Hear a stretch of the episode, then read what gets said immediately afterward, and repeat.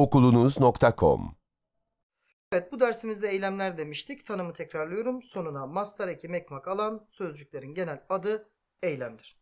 Bu anlamda yapabileceğimiz en büyük hata ise şu olur. Bizler bir sözcüğün isim mi eylem mi olduğuna karar verirken asla ve asla sözcüğün köküne bakmıyoruz. Kök her zaman yanıltıcıdır. Bizi ilgilendiren şey sözcüğün yapım eklerini aldıktan sonra sonuna mastar eki mekmak alıp almadıdır. Örneğin gelmişti sözcüğünde burada geçen mişvedi bir zaman ekidir. İlerleyen süreçte onları da göstereceğim size. Burada yapmamız gereken şey zaman eklerini sözcükten atıyoruz.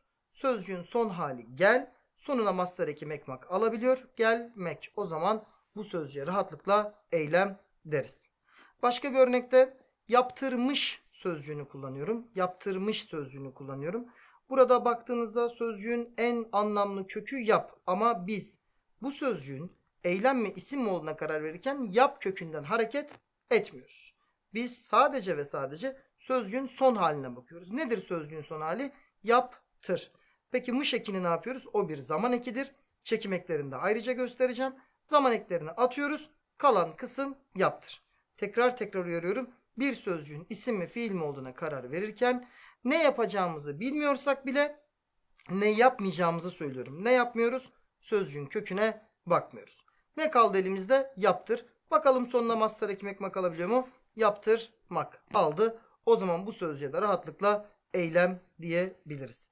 Başka bir örnekte insan sözcüğünü kullanıyorum. Gördüğünüz gibi sonuna mastar ekmek mak alamıyor. İnsanmak diye bir şey yok. Bu sözcüğe de isim diyebilirsiniz. Bir tane edat örneği verelim. Mesela gibi diyelim. Gibimek diye bir şey yok. O zaman bu sözcük de isim soylu bir sözcüktür.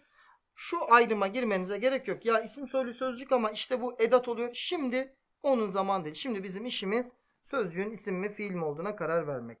Ee, en başta da söylediğimiz gibi gördüğünüz gibi sözcüğün son haline master eki mekmak getiriyoruz ve rahatlıkla buna eylem diyoruz. Yeter ki mekmak ekini alabilsin.